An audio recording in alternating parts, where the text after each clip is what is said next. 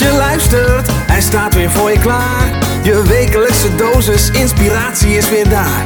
De allerleukste gasten geven al hun kennis prijs. Met je veel te blije host, hij praat je bij. Zijn naam is Thijs. Thijs, Thijs, Thijs, Thijs, Thijs. 100% Thijs. Hi, welkom bij een nieuwe episode van de 100% Inspiratie podcast. En als je het nog niet gedaan hebt, check ook zeker deze podcast op YouTube. Uh, want dan kan je nou ja, extra genieten van, uh, van de content die gedeeld wordt. En misschien een notitieboekje, blokje erbij pakken en gewoon lekker meeschrijven. Dat je er echt iets actiefs uh, van maakt. In deze episode heb ik Martijn van den Berg geïnterviewd. En we gaan het hebben over een, ja, wat mij betreft, heel belangrijk onderdeel in het leven. Geld. En met name hoe je jouw geld voor jou kan laten werken door te investeren in vastgoed. Uh, wellicht ervaar je dit ook wel als iets wat uh, opkomend is, waar je steeds meer mensen in je omgeving over hoort. Ik heb dat in elk geval wel. En daarom vond ik het fijn om iemand te interviewen die dat heel helder kan uitleggen. Hoe werkt dat nu om je geld in stenen te investeren? En ehm, je zal merken dat het eigenlijk een no-brainer is. Dat als jij vrijheid wil, als je financiële vrijheid wilt, of je nu wel of niet wat spaarcenten over hebt, is het een hele waardevolle, uh, een heel waardevol iets om je te in te gaan verdiepen. Nou, en dat kan door allemaal boeken te gaan lezen en hele ingewikkelde dingen te doen. Maar jij bent luisteraar, kijker van de 100% Inspiratie podcast. Dus je gaat het gewoon komend uurtje ontdekken van Martijn van den Berg. En om een klein tipje van de sluier te geven, hij heeft het voor elkaar gekregen om binnen twee jaar financieel vrij te worden. Uh, puur door, uh, door de technieken die hij komend uur met jou gaat leren. Ik durf te beloven, of je nu wel of niet actieve interesse hebt om jouw geld te gaan investeren in vastgoed. Dit is een tof interview, want het zet je tot nadenken over lifestyle. Het zet je tot nadenken over wat allemaal mogelijk is als je iets creatiever bent en iets anders denkt dan de massa. Check trouwens ook thijslindhout.nl slash vrijheid, want daar staat het e-book van Martijn voor je klaar. Uh, met 12 makkelijke manieren om te beleggen in vastgoed zonder eigen geld. En kun je ook zijn cursus aanschaffen. Maar wat dat precies is, ga je ook nog ontdekken in dit interview. Dus veel kijk- of luisterplezier. Hier is Martijn van den Berg. 100% Thijs. Ja, we zijn live, Martijn. Leuk. Nou, niet live, maar we zijn het opnemen. Ja. En ik heb je net al beloofd, we kunnen dingen eruit knippen als je per ongeluk uh, rare escapades maakt in je, in je antwoorden. Maar daar gaan we niet vanuit. Nee. Vanuit dat je zo open en eerlijk mogelijk bent over hoe, uh, hoe ik en, en ook wij als, als luisteraar, kijker, ja, misschien wel wat slimmer met ons geld om kunnen gaan. En misschien wel wat uh, minder hard hoeven te werken en wat meer kunnen genieten van vrijheid. Precies, ja, dat kan altijd, hè? beter en slimmer. Ja, ja. En is ook belangrijker geworden dan het ooit was, natuurlijk. Ik denk dat deze tijd, ik hoop ik, dat dat uh, de mensen wel geleerd heeft dat het heel gevaarlijk is om ja, van één inkomen van, van je werkgever of van een overheid afhankelijk te zijn. Je moet gewoon echt voor jezelf zorgen.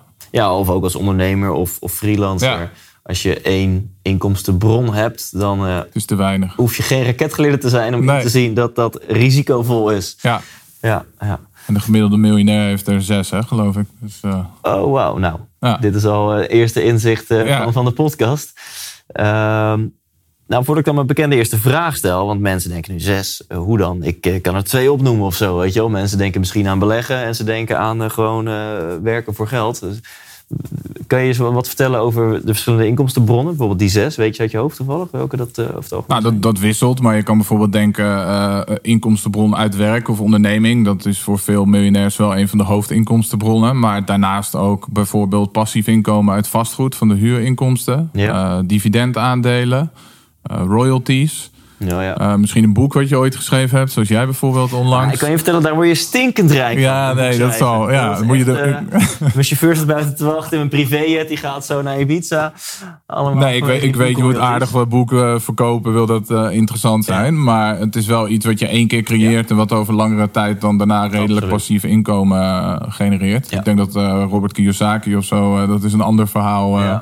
Als je zo'n boek uh, publiceert. Dus, uh, Ja, ja. Een van de mensen die ik een tijdje geleden interviewde was Mark Manson, auteur van The Subtle Art of Not Giving a Fuck. Nou, die heeft wereldwijd 10 miljoen exemplaren verkocht. Nou ja, als je de, al heb je de meest slechte boekdeal ever en krijg je 2 dollar per boek. Ja. Nou, dan alsnog 2 dollar maal, maal 10 miljoen. Daar kan je, kom je de maand wel mee door. Zeg maar. ja, zeker. Ja.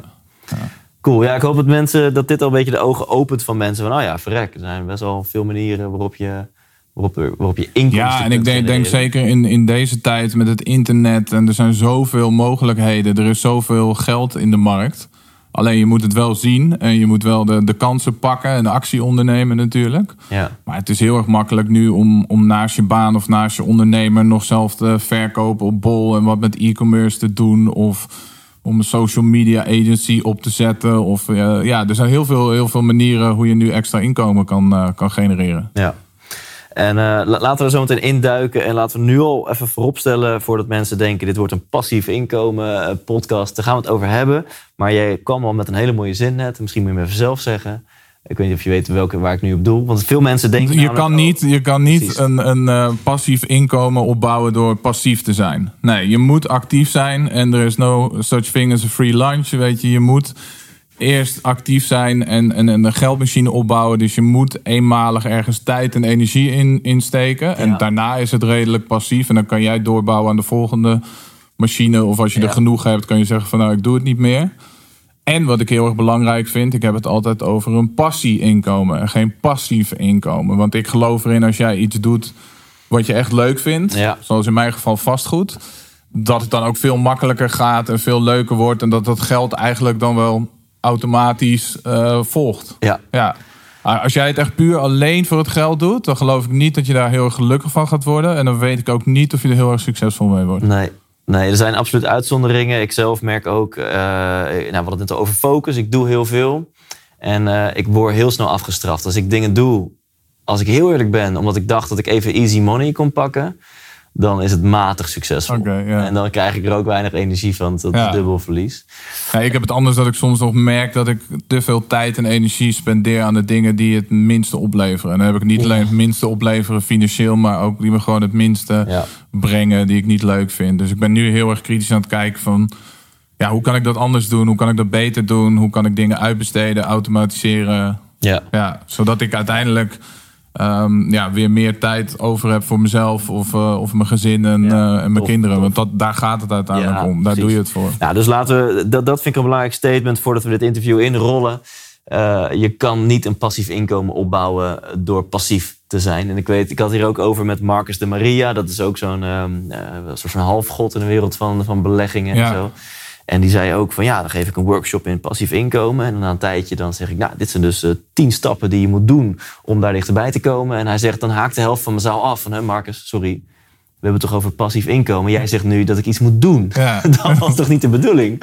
Nee, maar er zijn genoeg mensen die denken inderdaad, weet je, van eh, nou, ik lees een boek over hoe word ik rijk of ik volg een cursus en dan gaat alles automatisch en ik hoef verder niks te doen. Maar nee, zo werkt het. Nee, nee, precies. Helaas of gelukkig niet. Ik denk ook dat je die voldoening dan natuurlijk zou missen als je het niet zelf helemaal hebt, eh, hebt opgebouwd. Ja. ja. Ja, als ik voor mezelf spreek, we zitten hier in het pand van de Duurzame Adviseurs. Een eh, consultancybureau waar zo'n 15 mensen werken, wat ik zelf heb opgericht. Ja. Dus nu eh, eh, zou je dat kunnen zien als, nou, dat is gewoon nu passief inkomen voor mij, want ik ben aandeelhouder.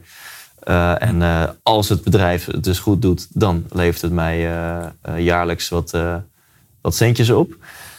Maar eh, ik zeg niet dat dat per se moet, dat iedereen het moet doen. Maar ik heb mezelf al eerst acht jaar lang drie keer in een burn-out gewerkt. Om het bedrijf zo te bouwen. Ja. eh, zodat het goed staat en dat het ook nog eens eh, zonder mijn, eh, mijn effort kan. Nou, dat blijkt ook in 16 maanden te kunnen. Maar daar gaan we het in dit interview dus over, over hebben. Laten we met de eerste vraag beginnen. Martijn, wat wil je worden als je later groot bent? Nog gelukkiger dan ik al, al ben. En ik wil graag horen dat ik een goede vader ben geweest. En eh, pandjesbaas in de goede zin van het woord. Dus ik wil graag een mooie eh, portefeuille hebben opgebouwd Ja. in het vastgoed. Ja. Die ik kan overdragen ook aan, eh, aan mijn kinderen. En dan Ja. hoop ik dat ze niet alles gaan, gaan verkopen. Ehm, ja, dat wil ik later worden als ik groot ben. Ja, en, en hoe, om dan meteen daar maar over te beginnen. Je zegt, ik wil nog gelukkiger worden. Wat is wat jou betreft de rol, want dit is toch een podcast die gaat over inspiratie, die gaat over geluk en succes. Wat is wat jou betreft de rol van geld in gelukkig zijn? toch wel een, eh, een, redelijk grote. Ik bedoel, eh, er wordt vaak gezegd door mensen van ja, geld maakt niet gelukkig. En op zich snap ik wel dat het vandaan komt. Aan de andere kant merk ik altijd dat die uitspraak gedaan wordt door mensen die geen geld hebben.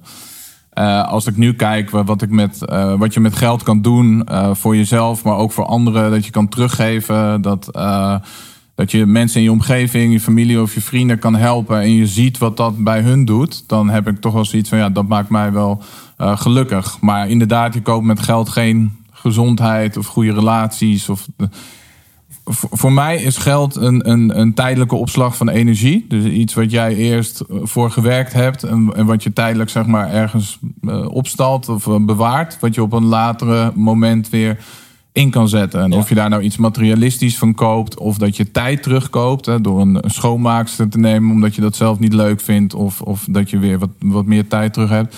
Wat je daarmee doet, dat, dat is aan jezelf. Maar ja, het is zeker niet uh, het enigste wat je gelukkig maakt, maar ik vind het wel uh, heel fijn uh, om te hebben. Of zoals Dick Advocaat zei, van geld maakt niet gelukkig, maar gelukkig heb ik wel geld. Kijk, ja. We, ja, we, we leven nou eenmaal in een wereld waar geld toch eh, een rol speelt en waar je toch, toch nodig hebt om ja, te overleven, maar ook om nou ja, leuke dingen te, te kunnen doen. Ja.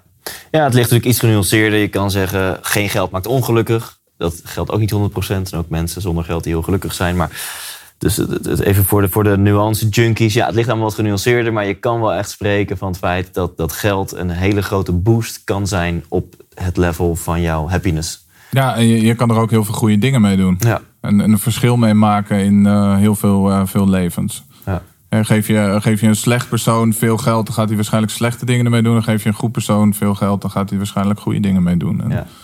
Als je idealistisch bent, zoals, zoals ik, dan uh, kan, je, kan je daar ook wel toch een verschil mee maken in de wereld. Ja. En, en, wat is geld voor jou persoonlijk? want je, jij bent ja, jij bent bovengemiddeld veel met geld bezig. Anders zit je hier niet in deze podcast om het een uur daarover te gaan hebben, zeg maar. Hè? Dus jij, jij hebt echt een, een, ja, jij, jij hebt een bepaalde visie op geld. Daar heb je net een stukje van gedeeld. Maar voor jou persoonlijk, wat, wat, wat is geld? Nou, ik had, ik had vroeger denk ik een gemengde relatie met geld. Want ik begreep het niet. En uh, ik, had een schuld, daar gaan we het zo nog over hebben. En dat gaf me stress. En ik heb nooit, zoals waarschijnlijk heel veel van de luisteraars van mijn ouders of op school geleerd van hoe moet je budgetteren, uh, wat is financiële vrijheid, wat is passief inkomen, hoe kan je goed ondernemen, hoe kan je geld voor jou laten werken. Dus um, ik was altijd heel goed in ondernemen en geld verdienen. Alleen ik was nog beter in het uitgeven. En uh, met het gevolg dat er uh, nou ja, gewoon een schuld ontstond rond mijn studietijd. Um, maar nu heb ik een, een hele goede eh, relatie met, met geld. En het gaat eigenlijk nog niet eens zozeer om het, om het geld op zich, maar meer gewoon het.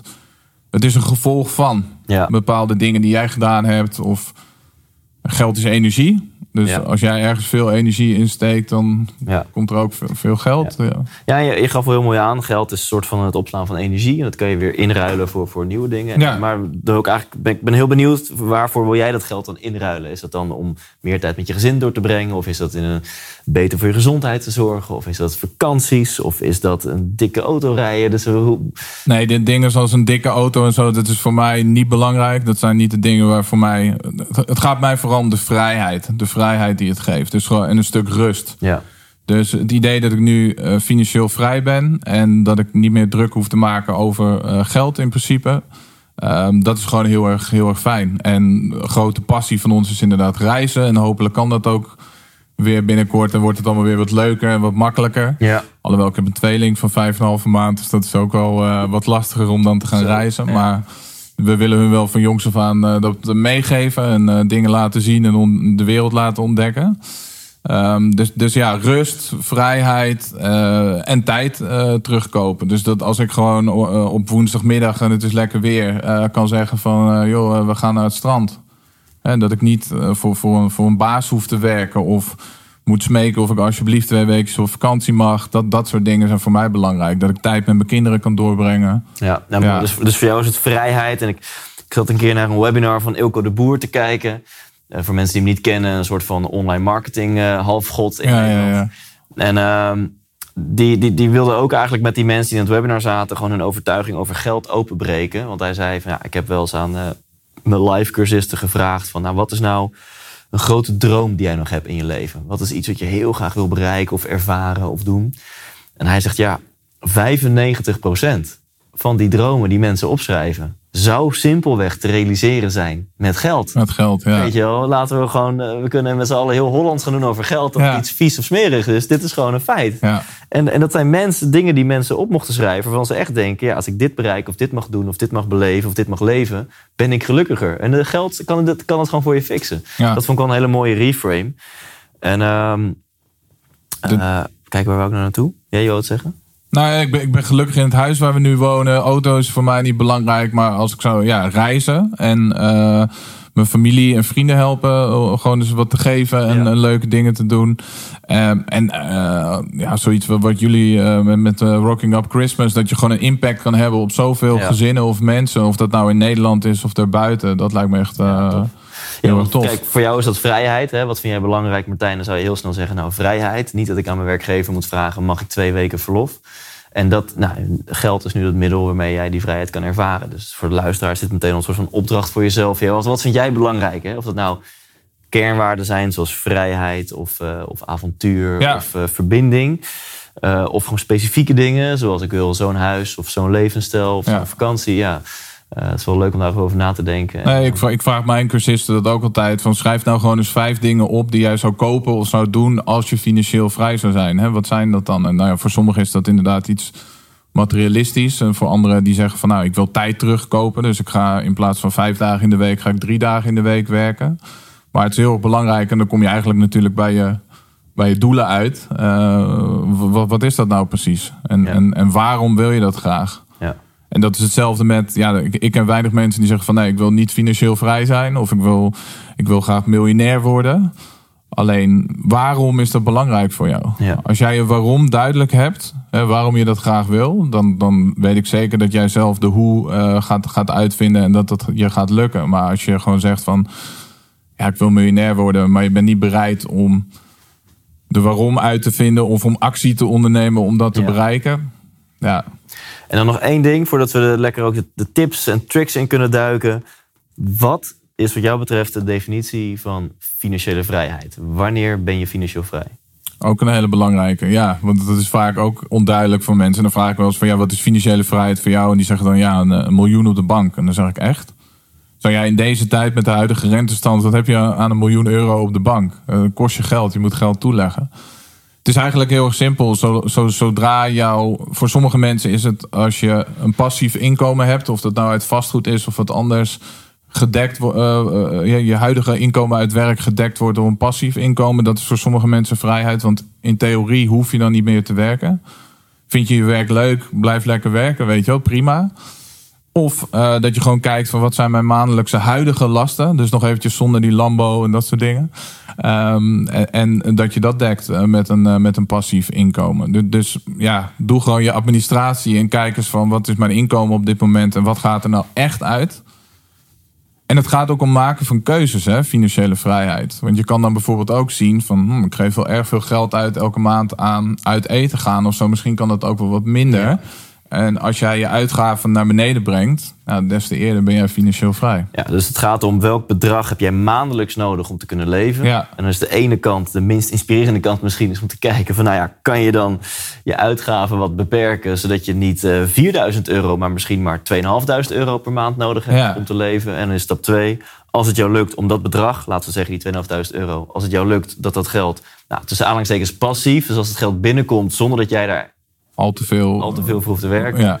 dan kun je stellen dat je, dat, dat je financieel vrij bent. Ja, en jij zegt minder inspirerend en dat, dat snap ik. Maar nogmaals, het is een kwestie van keuzes maken. En financiële vrijheid is soms ook eh, je beseffen dat je op de korte termijn eventjes wat in moet leveren. En even de broekriem Ja. even aanhaalt. Om daarna de rest van je leven gewoon je geen zorgen meer erover te hoeven, eh, te hoeven Ja, maken. Als ik mijn extreme doortrek, ik heb op dit moment eh, eh, eh, geen hypotheek en ik heb geen zi- gezin.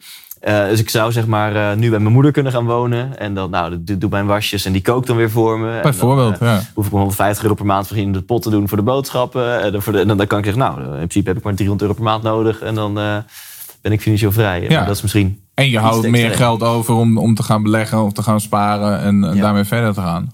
Ja, maar dit was, dit, dit was geen voorbeeld in de, in de richting van... dit lijkt me een goed idee om te gaan doen. Nee, nee, nee, dat snap ik. Maar om, om een voorbeeld vanuit mij te geven, Ja. vanuit de praktijk in december 2019, eh, een dure maand, hè, decembermaand. Ik geloof dat wij nog 1,76 euro op onze bankrekening hadden staan. En mijn vrouw die stond bij de kapper en die moest 40 euro betalen. En, eh, eh. en gelukkig eh, hebben wij samen een strategie gemaakt en doel en wisten waar we mee bezig waren. En dat kwam omdat ons laatste geld op dat moment in laminaat, verf gegaan was voor ons tweede pandje. Wat ons zou gaan helpen om die financiële vrijheid te bereiken. Ja. Dus, en ik zeg ook niet dat je dat moet doen en dat je zo all in moet gaan, want het is niet voor iedereen. Maar het geeft wel aan van. Eh, ja, wees misschien bereid om op korte termijn even een paar stappen terug te doen. Ja. En als ik nu terugdenk aan die tijd, is het nog niet eens zo heel lang eh, Nee. geleden. Het was trouwens december 2018. Ja, precies. Ik dacht al, het lijkt Ja, wel. Ja. dus, dus, dus eh, ruim anderhalf jaar geleden. Maar als ik daar nu aan terugdenk, ja, dan lijkt het zo ver van mijn bed. Maar het, ja, het was wel, het was wel Ja. zo. Nou, en laten we daar dan naar naartoe gaan. Want je zegt, nou, ik had, ik had vroeger schulden. En, eh, ehm, dus ergens is bij jou een kwartje gevallen. Is, is een knop omgegaan. En, en ben jij, is jouw mindset veranderd ten opzichte van geld. En helemaal jouw gedrag. Kun je daar wat over vertellen? Wat maakte dat je in de schulden zat? En wat maakte dat, dat keerpunt? Kun je daar wat over vertellen? Nou dat ik in de schulden zat, dat kwam eigenlijk dat ik eh, gewoon eh, tijdens mijn studententijd dacht van... eh, hè, ik heb nu wel tijd en ik heb de energie ervoor, maar ik heb geen geld. En ja, verleidelijk om dan op een gegeven moment wat, wat bij te lenen. Ook een stukje noodzaak, omdat ik meerdere studies had gedaan. Dus op een gegeven moment was de, de beurs die was, was op.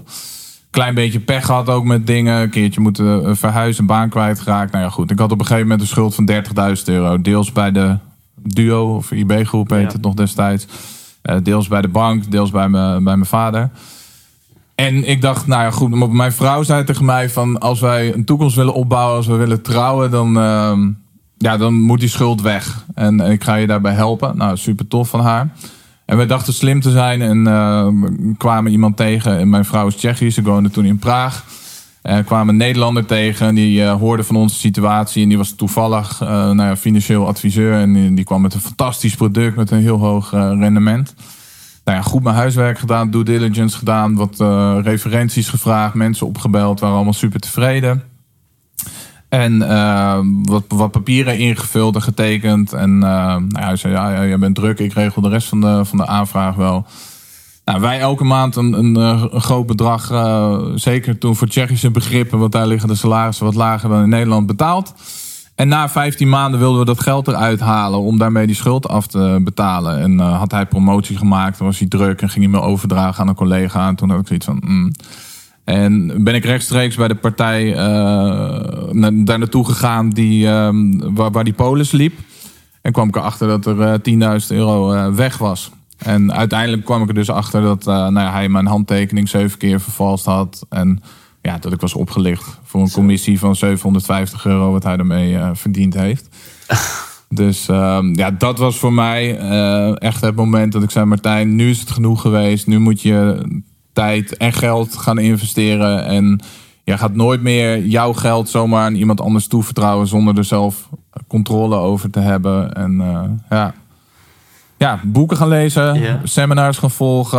eh, Robert Kiyosaki, Rich Dad, eh, Poor Dad natuurlijk tegengekomen. Voor degenen die hem nog niet gelezen hebben. Dat is wel een beetje de, ja, de basis, de bijbel denk ik. Als je meer wil weten over, eh, over geld Ja. en hoe geld werkt. Ja, en zo is het begonnen. En toen kwam ik erachter dat, we, nou ja, dat vastgoed wel echt de bewezen strategie is. Een historische zin die heel veel mensen rijk heeft gemaakt.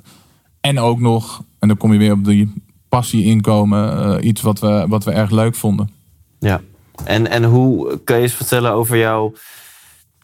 Wat is je eerste handeling daarna geweest? Na het opdoen van die inspiratie? Want uiteindelijk kunnen we het ook over hebben. eh, er is een verschil tussen inspiratie consumeren Ja, en eh, implementeren. implementeren of produceren of in Ja. actie komen. En zijn veel mensen die denken dat ze aan persoonlijke ontwikkeling doen door het consumeren van inspiratie. En het is super tof dat je naar deze podcast luistert. ja, Eh, super tof dat je misschien twee keer per jaar naar een seminar gaat en één keer per maand een boek leest. Maar eh, alleen maar consumeren is niet per se aan persoonlijke ontwikkeling doen. Dus Nee, hoe ben je in actie gekomen? Uiteindelijk gaat dat je, je leven niet, niet veranderen. En ik zeg ook wel van, van je goed, misschien kan je die kennis dan beter niet hebben. Want het lijkt mij heel erg frustrerend Ja. als je de kennis wel hebt, maar niet de resultaten ervan ziet. ja, En ik zie het genoeg om me heen. Ik noem ze seminar junkies. En Ja. die gaan naar heel veel seminars en zo toe. Die geven heel veel geld uit aan persoonlijke ontwikkeling.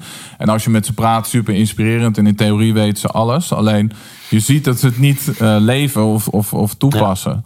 Ehm, en, en soms ben ik ook zo geweest. Alleen nu, als je me vraagt van waarom ben je in actie gekomen, de pijn was zo groot. Eh, En er zijn twee drijfveren voor mensen: pijnen en, en eh, desires, eh, Ja, wensen.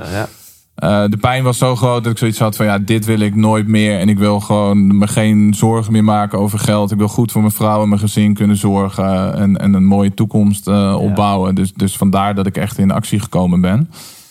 Ja, ik ben begonnen gewoon om te kijken van nou ja, in Nederland van oké, wie staat er al waar ik wil staan en van wie kan ik echt leren. En ik ben Ja. gewoon zoveel mogelijk workshops gaan volgen. Want ik wilde van iedereen weten van nou ja, wat is jouw strategie? Welke lessen heb jij geleerd? En Dan daar mijn strategie op baseren en dan gewoon actie, eh, actie ondernemen. Ja, en daar willen we, willen mijn, wil mijn luisteraar iets over weten. Ja, je dat kan ik me voorstellen. Wat is jouw eerste actie geweest? Nou, onze eerste actie is geweest dat. eh, nou, we waren er ondertussen eigenlijk al achtergekomen dat we best wel wat mensen ook kenden die al met vastgoed bezig waren. En we zijn begonnen in Nederland met het huis van mijn vader toen we terugkwamen uit Tsjechië. En na een wereldreis van acht maanden, huwelijksreis van acht maanden, begonnen we weer in Nederland. Eh, ik kwam na zeven jaar kwam ik terug en we begonnen in het huis van mijn vader. Ehm, tijdens onze wereldreis hadden we het appartement van mijn vrouw verhuurd. En terwijl wij in Bali zaten, lekker aan een cocktail, kwam er gewoon geld binnen. Dus dat was al iets dat we dachten van, hé, hey, dat is leuk. eh, dat, daar willen we wel meer van. Ja.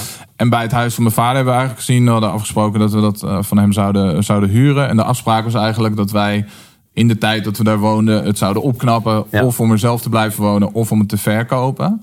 Nou, uiteindelijk zijn we er niet zelf blijven wonen, maar heeft hij het heel snel en voor een hele goede prijs eh, verkocht. En hebben we daarmee echt gezien van ook hoe je heel veel waarde kan toevoegen in vastgoed.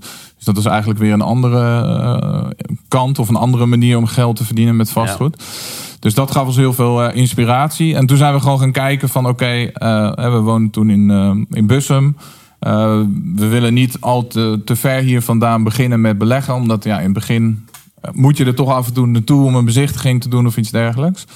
Eh, we zijn gestart in Almere. Alleen kwamen we erachter dat het daar eigenlijk al redelijk duur was eh, geworden. En van vrienden van ons die wel een paar panden in Almere hadden, die zeiden eigenlijk van ga eens in Lelystad kijken hebben ons huiswerk gedaan, alle cijfers klopten. de- Er zijn bepaalde dingen waar je op let. eh, economische groei, bevolkingsgroei. Wordt geïnvesteerd in infrastructuur. Nou, Lelystad Airport gaat hopelijk ooit echt een keertje open. Ehm, ja, we hebben daar ons eerste pandje gekocht. En eigenlijk eh, zijn we daar zo ehm, ja, blijven hangen en eh, mee verder eh, gegaan. Ja, en even voor mensen die nu denken, ja, oké, maar hier haak ik, al, haak ik af. Want ik hoor Martijn zeggen, nou, ik had een pandje afbetaald in Praag. En. Weet je, hoe, hoe heb je tijdens die wereldreis, wat, wat was je baan destijds? Dat je, dat je kon investeren in een, in een pand in, eh, in Praag? Nou, dat is een hele goede, goede vraag. Want beleggingsvastgoed is het niet per se zo dat er wordt gefinancierd op inkomen. Er, wordt, er zijn professionele hypotheken, die, eh, beleggingshypotheken, die financieren op stenen. Hè, dus die kijken gewoon puur waar staat dit pand.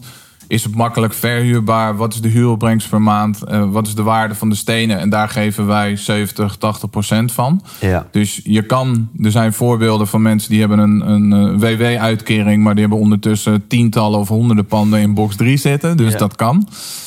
Ehm, ja, ons eerste pand hebben we redelijk makkelijk eh, kunnen kopen. Dat was vanuit de opbrengst van die flat in Praag. Want die, die, die verhuurden we dus. Maar de verhuuropbrengst, het rendement daar was niet zo interessant. Dat ik tegen mijn vrouw zei, volgens mij kunnen we die beter verkopen. En dat geld hier in Nederland eh, inzetten.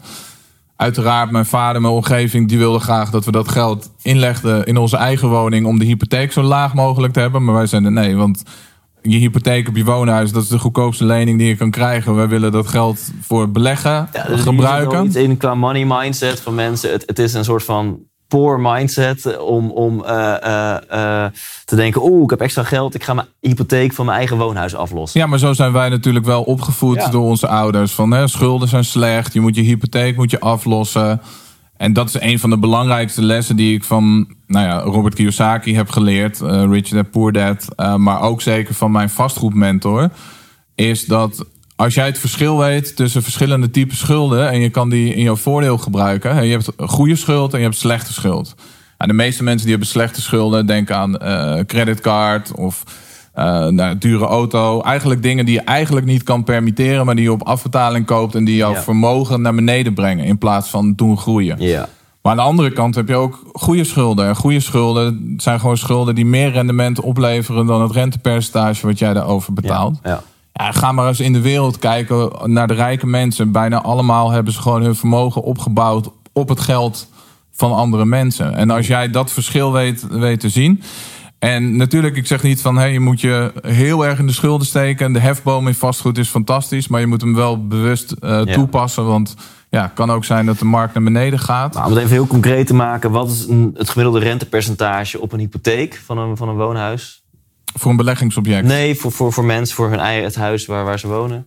Ik denk dat je op dit moment ergens eh, iets onder of iets boven de 2% eh, Ja. zit. Dus of ja. je nou een huis hebt van 2 ton, 4 ton of 8 ton, ja, je betaalt daar 2% Ja. jaarlijkse rente over, over die lening. bijna gratis geld. Categorie goede schuld. Want stel je, je hebt ineens 2 ton liggen, ik noem maar wat. Dan kan je je huis aflossen. Nou, congratulations. Je hebt jezelf eh, een rente van 4000 euro per jaar bespaard. Ja, terwijl je kan die 2 ton op tig ma- manieren beleggen. Maar laten we zeggen, je belegt het op manier X. Waarbij het 5% per jaar rendement oplevert.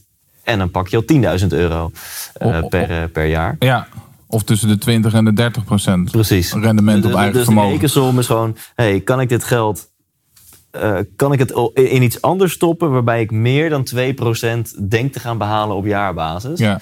Nou, Ja. het antwoord is natuurlijk gewoon ja. En dan is het gewoon niet zo handig om het in je huis te gaan stoppen. Kijk, eh, geld in, in stenen in je eigen huis. Je eigen huis is ook geen asset. Hè? Het is geen investering. Want daar kost je nog steeds geld. En eigenlijk als je een hypotheek hebt, dan huur jij gewoon bij de bank. Ja, Dus eh, het is dood geld. Eh, zet dat geld voor je aan het werk. Weet je, ik bedoel, je hebt het al. Maar het is echt een mindset ding. Ik ben nu bezig samen met mijn broer om hem dat inzicht te geven en te kijken. Want die heeft ook een gigantische overwaarde in het appartement. ja. Om te kijken of we daar niet wat beters mee, eh, mee kunnen Ja, doen. het is dus andersom. Sterker nog, jij wil stellen van nou, als je een half tonnetje overwaarde hebt in je huis, kijk maar of je die liquide kan maken, want dan kun je dat halve tonnetje gaan investeren. Als je in, eh, overwaarde hebt in je huis op dit moment, ik denk dat je een hele goede taxatie krijgt. De markt is heel erg goed, terwijl ook de rente heel erg laag is. De banken zijn nu nog redelijk. En met corona moet je soms wel een corona-verklaring geven dat jouw bedrijf of werk eh, geen eh, negatieve effecten daarvan zal ondervinden. Maar je kan nu nog redelijk makkelijk dat geld liquide maken. En mensen die zeggen dan ook tegen mij: Ja, Martijn, ik heb geen geld om vastgoed in te gaan. Maar misschien heb je wel een mooie overwaarde in je woning zitten. En dat zou ik altijd adviseren als eerste stap om daar Ja. naar te kijken en daar wat mee te doen. Ja. Ja. En ehm, kan je wat verder over, over jullie eerste pand? Want dat, dat is een kleine twee jaar geleden nu ongeveer. Ja, dat was in eh, juni 2018. Ja? Die heb ik wel gekocht via Funda. Inmiddels weet ik veel betere en goedkopere manieren om vastgoed aan te kopen. En dat, dat leer ik andere mensen ook. Alleen deze was via Funda, maar we hebben hem wel onder de bieden vanaf prijs toen weten te, te kopen. ja. Eh, voor 115.000 euro, twee jaar geleden. Nou, vandaag is hij 170.000 euro waard. Dus eh, alleen al 55.000 euro groei van vermogen door gewoon actie te ondernemen en iets te kopen. Ja. Ook een belangrijke les. Ga niet wachten op het perfecte moment, want het komt niet. Ja. En het resultaat is mensen stappen of nooit in, of te laat in en weer te vroeg uit. Het, het gaat er gewoon om dat je in de game zit om mee te kunnen spelen. Ja, die, die hebben we aangekocht. En eh, eigenlijk ging het allemaal een stuk makkelijker dan we gedacht hadden. Was, eh, we zaten bij de notaris. Vijf dagen later zat de huurder erin. Want terwijl wij hem aan het aankopen waren, hadden we al huurders gezocht. Met dezelfde foto's van Funda waarvoor die te koop stond.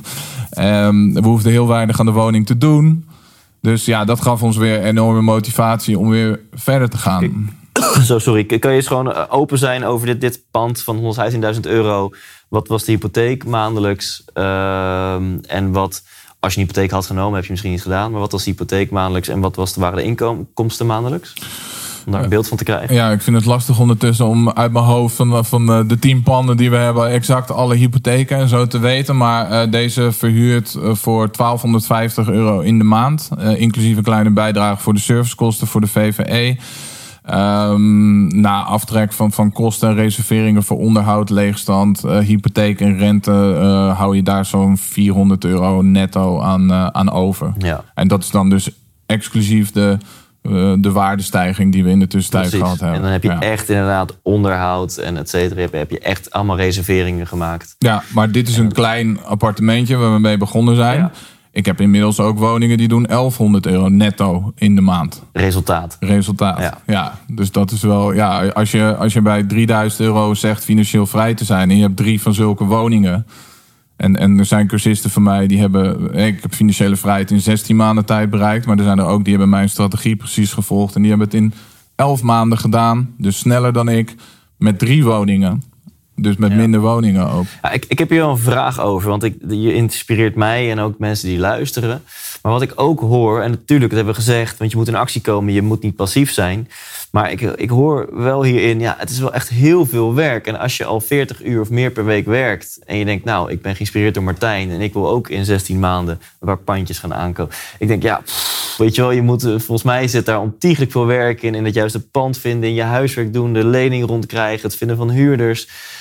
Dus kan dat wel? Of heel concreet zou je mensen nu aanraden... ja, als je deze route volgt... zorg er dan eerst eens voor dat je drie dagen per week kan gaan werken. Want dit gaat je zeker twee dagen per week fulltime kosten... om dit op te gaan bouwen. Ik zou zeggen, en, en of dat nou bij vastgoed is of iets anders, als eerste stap, ga nou gewoon eens tijd en geld in jezelf investeren en in je kennis. Dat je in ieder geval weet waar je op moet letten, wat je wel moet doen, wat je niet moet doen. Dat je bewezen strategieën kan volgen. Dat je niet grote, dure fouten gaat maken. Er zijn heel veel mensen die denken, oh ja, vastgoed, dat kan ik wel. Want ik heb ook mijn eigen woonhuis gekocht en zo moeilijk kan het allemaal toch niet zijn. En dat snap ik op zich ook wel. En het is geen rocket science, maar er zijn wel heel veel kleine dingen die uiteindelijk een groot verschil kunnen maken. En die je gewoon tijd en geld eh, kunnen kosten. Dus ga je eerst gewoon erin verdiepen. Kijk ook of je het echt leuk vindt, of het bij je past. Dat als eerste stap.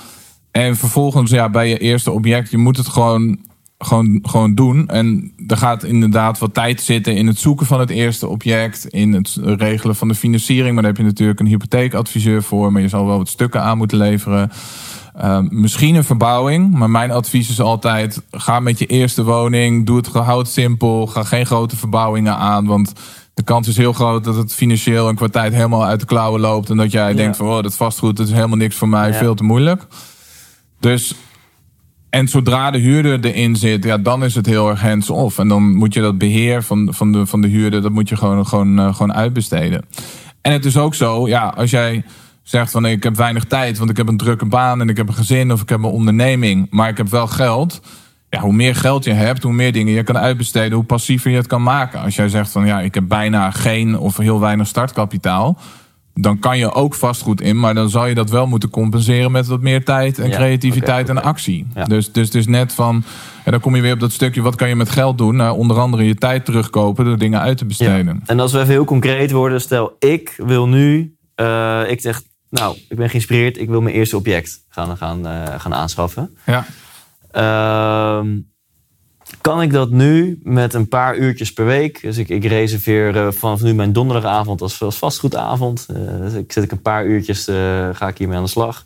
Is het dan realistisch dat ik binnen nu een paar maanden mijn eerste object heb? Dus gevonden, gefinancierd en huurders erin. Of zeg je nou, dat is, dat is wel vrij optimistisch. Je moet er wel wat meer tijd in stoppen. Ik zou je adviseren om dan de donderdagochtend te nemen, zodat je makelaars die Ja. werken niet op donderdagavond. Ja, ja. Hè, dus je zal toch ook af en toe eh, bezichtigingen moeten doen bij mensen thuis. Tenzij je dus niet via Funda en een makelaar koopt, dan kan je juist wel in de avonden gewoon bij de verkoper eh, op de koffie. Ja. Ehm, maar dat is zeker realistisch. Ja, als jij een, een, een helder plan hebt en je, en je besteedt. Het gaat er meer gewoon om dat je consequent, als jij elke donderdag twee, drie uurtjes daaraan besteedt en dat je stappen onderneemt, dan kan je zeker binnen een paar maanden jouw eerste pand hebben. Ja. En investeer ook zeker wat van die tijd in je netwerk. Dus Ja. vertel mensen wat je wilt doen en hoe ze je kunnen helpen. Ja. En even globaal zeg je, want eh, voordat mensen in de beperkende overtuiging gaan van ja, maar met mijn huishypotheek en de financiering en ik, moest, eh, ik, ik, ik, verdien niet genoeg en ik ben ondernemer, bla bla. Jij zegt, als je eh, ja, zakelijk koopt, om maar zo te zeggen, dan willen banken vaak gewoon 80% wel investeren.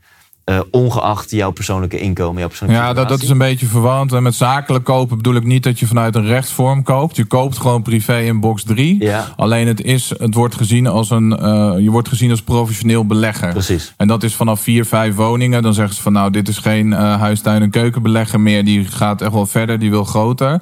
Of je kan ervoor kiezen om meteen naar die professionele partijen toe te gaan. Het, na- het, het voordeel is dat zij wat makkelijker zijn, dat ze wat Ja. sneller zijn. Het nadeel is dat de rente die je daar betaalt Iets, ja. ietsje hoger is. Alleen, eh, ja, dan, dan, eh, dan kan dat gewoon. ja. Globaal Maar- zouden we kunnen zeggen dat, dat, dat, dat je vanuit kan gaan dat 80% wordt gefinancierd. Dus als je een woning van anderhalf ton wil kopen en je hebt ergens 30.000 euro in de sok liggen, dan is de kans heel groot dat jij gewoon die 30k inlegt, 120k leent en dan kan je je eerste pand aankopen. Ja, want je moet eigenlijk zo zien dat de 20, de- het deel wat je niet gefinancierd krijgt, die 20, 30 procent, plus de kosten koper, Ja. daar reken, ik altijd 5 procent, even als vuistregel.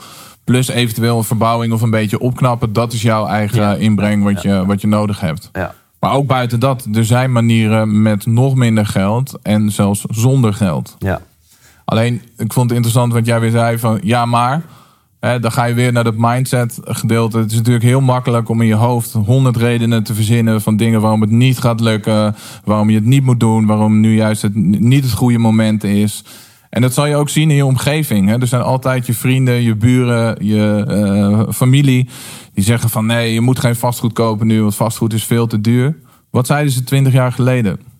Vastgoed is veel te duur. Als je nu kijkt naar die prijzen, je lacht erom. Ja. Eh, huurders zorgen voor overlast, ze betalen niet, eh wieplantages, noem het maar op.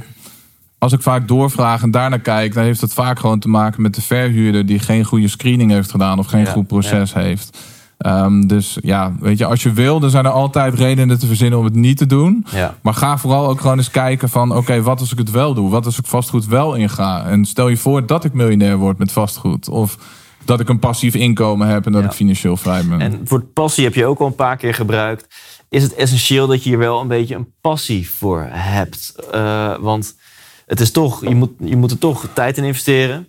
Eh, eh, ehm, de, dus ja, de vraag is eigenlijk. ehm, Ik denk, ik denk, ja, dat het helpt. Ik denk dat het niet noodzakelijk is. Oké, Alleen wat wel misschien belangrijk is voor jouw luisteraars om te weten, is bij vastgoed denkt iedereen aan je, je investeert in stenen. En dat is op zich ook zo natuurlijk, want daar gaat het geld in. Maar eigenlijk investeer je in mensen. Vastgoed is echt een people's business. Dus als jij het leuk vindt om met mensen om te gaan, als je makkelijk met mensen praat aan de telefoon of in het echt, als jij goed bent om het beste in mensen naar boven te halen, dat helpt gewoon heel erg. Want je hebt gewoon op een gegeven moment een heel team om jou heen die jou helpen bij jouw vastgoedportefeuille en bij jou. eh, en denk aan een makelaar, je klusjesman, een notaris, taxateur, je huurders ja. Verkopers. Dus als, als jij sociaal bent en je bent goed in onderhandelen, eh, dan, eh, dan helpt dat heel erg. Ja. Ja, ja, Ja. tof. En uiteindelijk kocht je jouw tweede pand, had je al verklapt, ergens in de, rond kerst 2018. Ja. En toen kon je vrouw eh, de, de, de nieuwe highlights bij, de, bij de kapper niet, niet, niet aftikken. Nee. Want je, je had al je, al je geld had je gepompt in de verbouwing van het tweede huis. Ja. Eh, kan je ons dus meenemen in, die journey? Want inmiddels heb je tien panden en, en eh, komt er, eh, nou, volgens de definitie van financiële vrijheid die we een kwartiertje geleden hebben behandeld, ben jij nu financieel vrij. Ja. Dus kun je ons eens meenemen op die journey? Nou, uiteindelijk hebben we financiële vrijheid in 16 maanden bereikt. Ik ben nu 38. Het doel was voor mijn 40ste. Dus dat doel hebben we ruim gehaald. En dat kwam eigenlijk gewoon dat ik mm, zag dat het sneller kon. En daardoor door actie te ondernemen. En v- geloof mij, als je de huurinkomsten binnenkomen op je rekening, dat werkt super motiverend. En ik ben ook op zoek gegaan gewoon echt naar manieren van... oké, hoe kunnen we dit sneller doen? Want als jij alleen je gewone inkomen hebt en je huurinkomsten... en je gaat die huurinkomsten opsparen en je hebt pas één of twee pandjes... ja, dan moet je die best wel lang opsparen voordat je weer de volgende kan doen. Dus Ja. ik ben gewoon gaan kijken van oké, hoe kan het eh, sneller? Want ja, hoe groter de sneeuwbal in het begin is... hoe groter die uiteindelijk zal worden... hoe eerder je financieel vrij bent, et cetera. Eh, Je hebt me- meerdere panden, meer waardestijging in een opwaartse Ja. markt... meer cashflow. In, in deze periode van 16 maanden had je ook nog een andere baan of onderneming Ja. daarnaast? Nee, zeker. Ja, ik eh, vloog de hele wereld rond en ik eh, verkocht een danceconcept. En eh, ja, dus ik ben in je? Australië geweest, eh, China, Thailand om eh dancefeesten Ja. te verkopen en mede Ja, te dus- organiseren. Dus eventjes om die ja maar te killen als mensen denken ja maar die Martijn die had Nee, tijd. nee, nee, nee, zeker niet. Ik Nee, was druk. Ik was druk. Oké, dus eh, yes, ga verder. Je, Ja, dus we zijn gaan zoeken van, van wat zijn nou verder manieren hoe we verder kunnen. En ik heb eigenlijk gewoon ja, alles gedaan wat nodig was om ons doel te bereiken. En dan eh, kan je denken aan eh, het afsluiten van onderhandse leningen bij vrienden en familie. We hebben twee projecten hebben we gecrowdfund. Dan kan je tot 100% kan je financieren. Dus dan hoef je zelf alleen nog de kosten kopen hoef je in te brengen.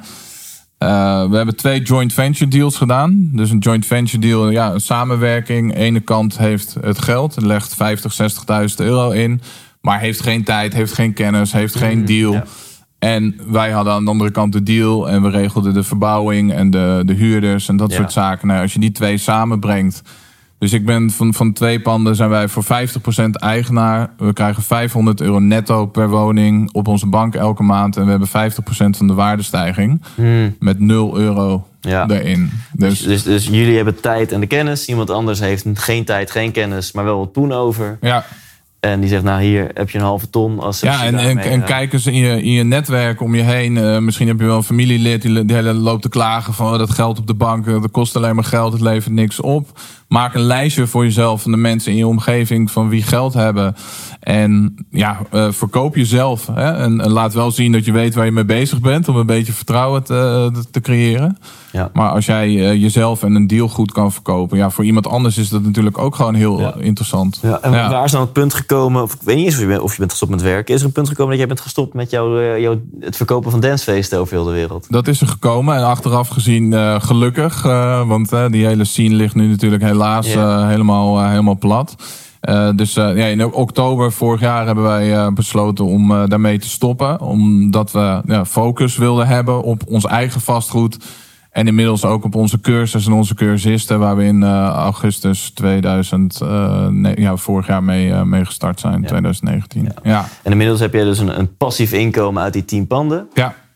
Eh, 5000 euro in de maand. Ja, Onze financiële vrijheid die zat bij 3200 euro in de maand. Dus ja, dat hebben we nu eh, ruim. En voor mij was financiële vrijheid, dat leek altijd het einddoel. En dat leek in het begin ook best wel onrealistisch. Alleen nu merk ik wel van ja, oké, de- dat was pas het beginpunt eigenlijk. En nu willen we graag door naar financieel comfortabel. 10.000 euro passief in de maand. En financieel rijk 20.000 euro passief in de maand. ja, dat zijn ieder geval bedragen die voor jullie goed voelen.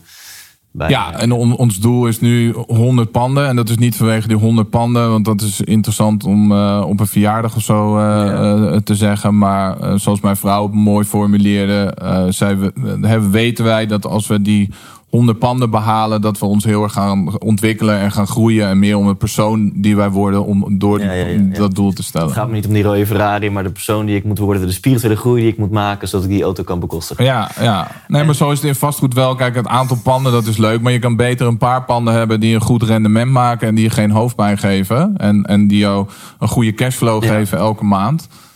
Dan dat je heel veel panden hebt met een heel slecht rendement. want dat is het eerste die me opkomt. Als je 100 panden hebt, dan is er elke maand zijn er een paar panden waar, waar de shit uitbreekt. En wateroverlast, huurders die niet betalen, wietplantage. Dat is dus dan, dan moet, moet er denk ik maar echt denk- een partij tussen zitten Ja. die het allemaal beheert. En Maar ik denk als je 100 panden hebt en ook wel minder, dat je wel de middelen hebt om dat uit te besteden, dan toch? heb je wel een paar tientjes over om iemand daarvoor aan te nemen. Ja, zou ik wel doen. Ja. Ja, ja. Mooi. Nou, ik voel de rust waarmee je dat zegt, dus dat, eh, dat komt helemaal goed. Eh, en, en nu heb je ook een stukje actief inkomen. En dat is dat je hebt gemerkt dat je het superleuk vindt om jouw kennis door te geven. ja klopt. Ja. Middels? Nou, ik, ik heb eigenlijk iets gecreëerd wat ik zelf gemist heb of graag had willen hebben toen ik dit avontuur eh, twee jaar geleden eh, begon. Ehm, nogmaals, er waren wel bepaalde cursussen, maar ik vond ze niet compleet of heel erg praktisch. En ik miste vooral een stukje nazorg, zeg maar, na Ja. de kennis. Dus echt een, een community daaromheen. Ja, en ik vind het gewoon super leuk, heb ik gemerkt, om eh, andere mensen te helpen. Ook naar die, die financiële Ja. vrijheid en dat passief inkomen. Dat geeft mij heel veel voldoening. Dat was iets wat ik de laatste paar jaar een beetje miste met die feesten. Ja. Eh, daar had ik zoiets van, ja, wat ben ik nou eigenlijk aan het doen? Eh, het zijn hele toffe events, maar aan de andere kant, ja, creëer ik niet gewoon een omgeving waarin mensen aan drank en andere dingen, ehm, ja. Eh, dus dat, dat vond ik soms wat lastig. En dat, dat heb ik nu wel heel erg. En vooral, eh, ja, het is fantastisch om te zien dat jij een bepaalde strategie hebt. Dat je die aan andere mensen leert. En dat je ziet dat ze het aannemen, implementeren en er succes mee hebben. ja. En ja, ik vind het jammer dat er gewoon te weinig financieel, echt financieel onderwijs gegeven wordt. Eh, hè, op school van onze ouders. En ik wil daar graag veranderingen in brengen. Dus mijn doel is om minimaal duizend Nederlanders te helpen financieel vrij te worden. Ja, tof. En Ja. doe je zowel offline als online. Ja, En nou, misschien moeten we daar maar over hebben, want we gaan iets heel tofs aanbieden aan luisteraars die, eh, die jouw online cursussen of jouw online programma willen volgen. Wat Ja. eigenlijk een lifetime programma is, want ze komen in een community. En nou ja, de Ja. mensen in je omgeving, dat is het allerbelangrijkste. Dat die jou een beetje inspireren en motiveren. En eh, daar gaan we iets heel tofs bij doen. Dus dat wil ik zo meteen delen Ja. met de luisteraar. Dus als je, als je luistert of kijkt en denkt, nou, ik, eh, wil, ik wil wel een deep dive gaan nemen hierin. Ik wil in actie gaan komen. let's go. Ja. Kan je wat vertellen over dat, over dat programma, dat online programma? Nou, ik heb een online programma opgericht en dat was al voor corona, eh, de Vastgoed Academy. En dat is een videocursus van twaalf verschillende modules. Er zijn een aantal bonusmodules. In principe wordt iemand in acht weken tijd klaargestoomd om het eerste pandje te kopen. Meer dan twintig uur aan video's.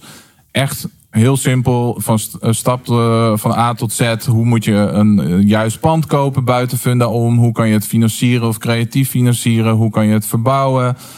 Wet en regelgeving, belasting. Nou ja, alle vragen die je ook maar kan hebben, die zitten daarin verwerkt. Er zitten ook meer dan 70 documenten bij in de kennisbank. Dus stappenplannen, checklist, contracten.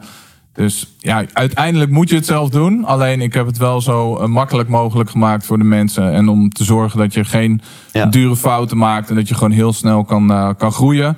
Het doel is niet uiteindelijk om één woning te kopen. Maar eerst die eerste natuurlijk, dat is de eerste stap. Maar daarna de tweede, de derde Ja. en, en, Jij enzovoort. in de acht weken neem ik je stap voor stap met video's, met checklisten mee om je eerste object aan te kopen. Ja, en het is niet alleen online. Ik vind, of, of, eh, eh, ja, online. Eh, ik vind offline in het echt, dat vind ik nog steeds het allerleukste. Dus eh, ik geef ook elke week geef ik coaching calls waarin mensen hun vragen kunnen stellen. Waar we ook vaak inspirerende gastsprekers hebben over diverse geldonderwerpen en vastgoedonderwerpen.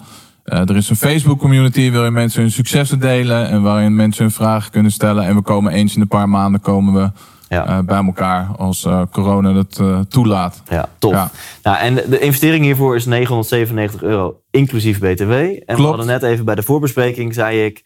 Ja, Martijn, kunnen we niet iets van een korting doen? Want ja, het, het, het is dan voor iedereen dit bedrag. En ik wil toch voor mijn luisteraar... Dat, dat zijn niet gewone mensen. Dat zijn luisteraars van Iets 100 speciaals. Ja, precies. En toen Dus- kwamen we toch tot de conclusie. Ja, leuk idee. Maar korting in de vorm van euro's is een beetje oninspirerend. Want dan zouden we misschien 100 of 200 euro korting kunnen geven. Maar goed, dat is nog ik denk niet dat als mensen dit echt willen doen, dat dat. eh, ja, ik denk dat we iets veel waardevollers eh, aan kunnen bieden. Ja, dus toen heb ik jou uitgedaagd en ik zag Ja. oncom, oncomfort in je ogen. Want je dacht, nou, dat gaat mijn tijd. Maar je hebt ja gezegd. Ja, Dus, ja, ja. Terugpakken. Dus het is ook voor jou als luisteraar gewoon 997 euro, inclusief BTW. Ja. En dus als je ondernemer bent, dan eh, pak je nog eens even 200 euro voordeel. Want dan schrijf je het gewoon zakelijk weg. Ja, Ehm, en eh, heb ik eh uit onderhandeld bij jou dat alleen voor luisteraars van deze podcast jij er een kwartier coaching call bij doet. ja dus als jij besluit om nu de online Vastgoed Academy voor 997 euro aan te schaffen, dan geef ik jou één op één coaching voor 15 minuten aan de telefoon. En dan ga ik jou persoonlijk op weg helpen naar jouw eerste Ja, pand. dus Ja. Martijn, dit is mijn situatie, dit is op mijn rekening, dit is mijn inkomen, eh, dit is mijn wens. En dan krijg Ik hou alles discreet, hè? Ja. Ja. Ja, precies. Ja, en, en dan ja. kom jij met, eh, kom jij met eh, adviezen hoe je dan het beste eerste stap kan zetten. Nou, dat lijkt me super tof. Eh, dus in de auto van deze episode zal ik een linkje delen of een kortingscode of zo. Dus blijf luisteren, want dan weet je precies naar welke site je moet gaan. En hoe wij dan zeker weten dat je via deze podcast komt, zodat je die bonus verzilvert. Ehm, ja, tot slot is er nog iets waarvan je zegt, Thijs, dat, dat had je moeten vragen, want dat wil ik graag delen. Maar daar heb je niet naar geïnformeerd, want dan is dit je kans. Oeh, goeie. Ja, dan, nogmaals, weet je, zorg voor jezelf. Neem actie. eh, ga niet wachten op het perfecte moment. Schakel dat stemmetje van ja, maar schakel dat uit. En, en weet waar je het voor doet. Maak gewoon een mooi plaatje van hoe ziet jouw ideale leven er nou uit, jouw droomleven. En ja, geld maakt misschien niet gelukkig, maar het is, maakt het wel heel erg makkelijk. En vastgoed is een heel erg mooi, kan een heel mooi middel daarvoor, eh, daarvoor zijn. Dus eh, ja. En dit, dit geldt voor geld, maar dit, dit geldt voor geld, maar dit geldt voor alles. Kom in actie. Kom in het actie. grootste cliché der clichés, maar daarom ook eh, meer waar dan, Ja. eh, dan wat dan ook. In, eh, in beweging vind je antwoorden. En, dus kom in actie, lieve mensen. Yes. Superleuk. Thanks, Box. Dankjewel. Bam. Thanks voor het luisteren naar deze episode. Eh, ga snel naar thijslindhout.nl slash vrijheid. thijslindhout.nl slash vrijheid. Want er staat gewoon een e-book voor je klaar. Die krijg je 100% zeker. Als je je e-mailadres invult, vind je die meteen eh, in je inbox. Eh, namelijk een e-book met 12 makkelijke manieren om te beleggen in vastgoed zonder eigen geld. En daar vind je ook de mogelijkheid om je aan te melden voor de eh, Academy, de Vastgoed Academy van Martijn, voor eh, 997 euro. En dan krijg je 15 minuten één op één zijn tijd. Dus 15 minuten lang een coaching call met Martijn. Waarin hij jou misschien wel de golden nuggets geeft. Die jou binnen nu en een eh, eh, bepaalde termijn financieel vrij gaan maken. Dus dat is volgens mij een heel tof offer. Volgens mij veel toffer dan als we een kortingje zouden geven. Dus eh, check thijslintert.nl vrijheid. Eh, Martijn, onwijs bedankt voor je tijd en voor je tips. En ik, eh, ik gun jou alle succes en plezier. en misschien wel financiële vrijheid met de inzichten uit dit interview. Leef intens.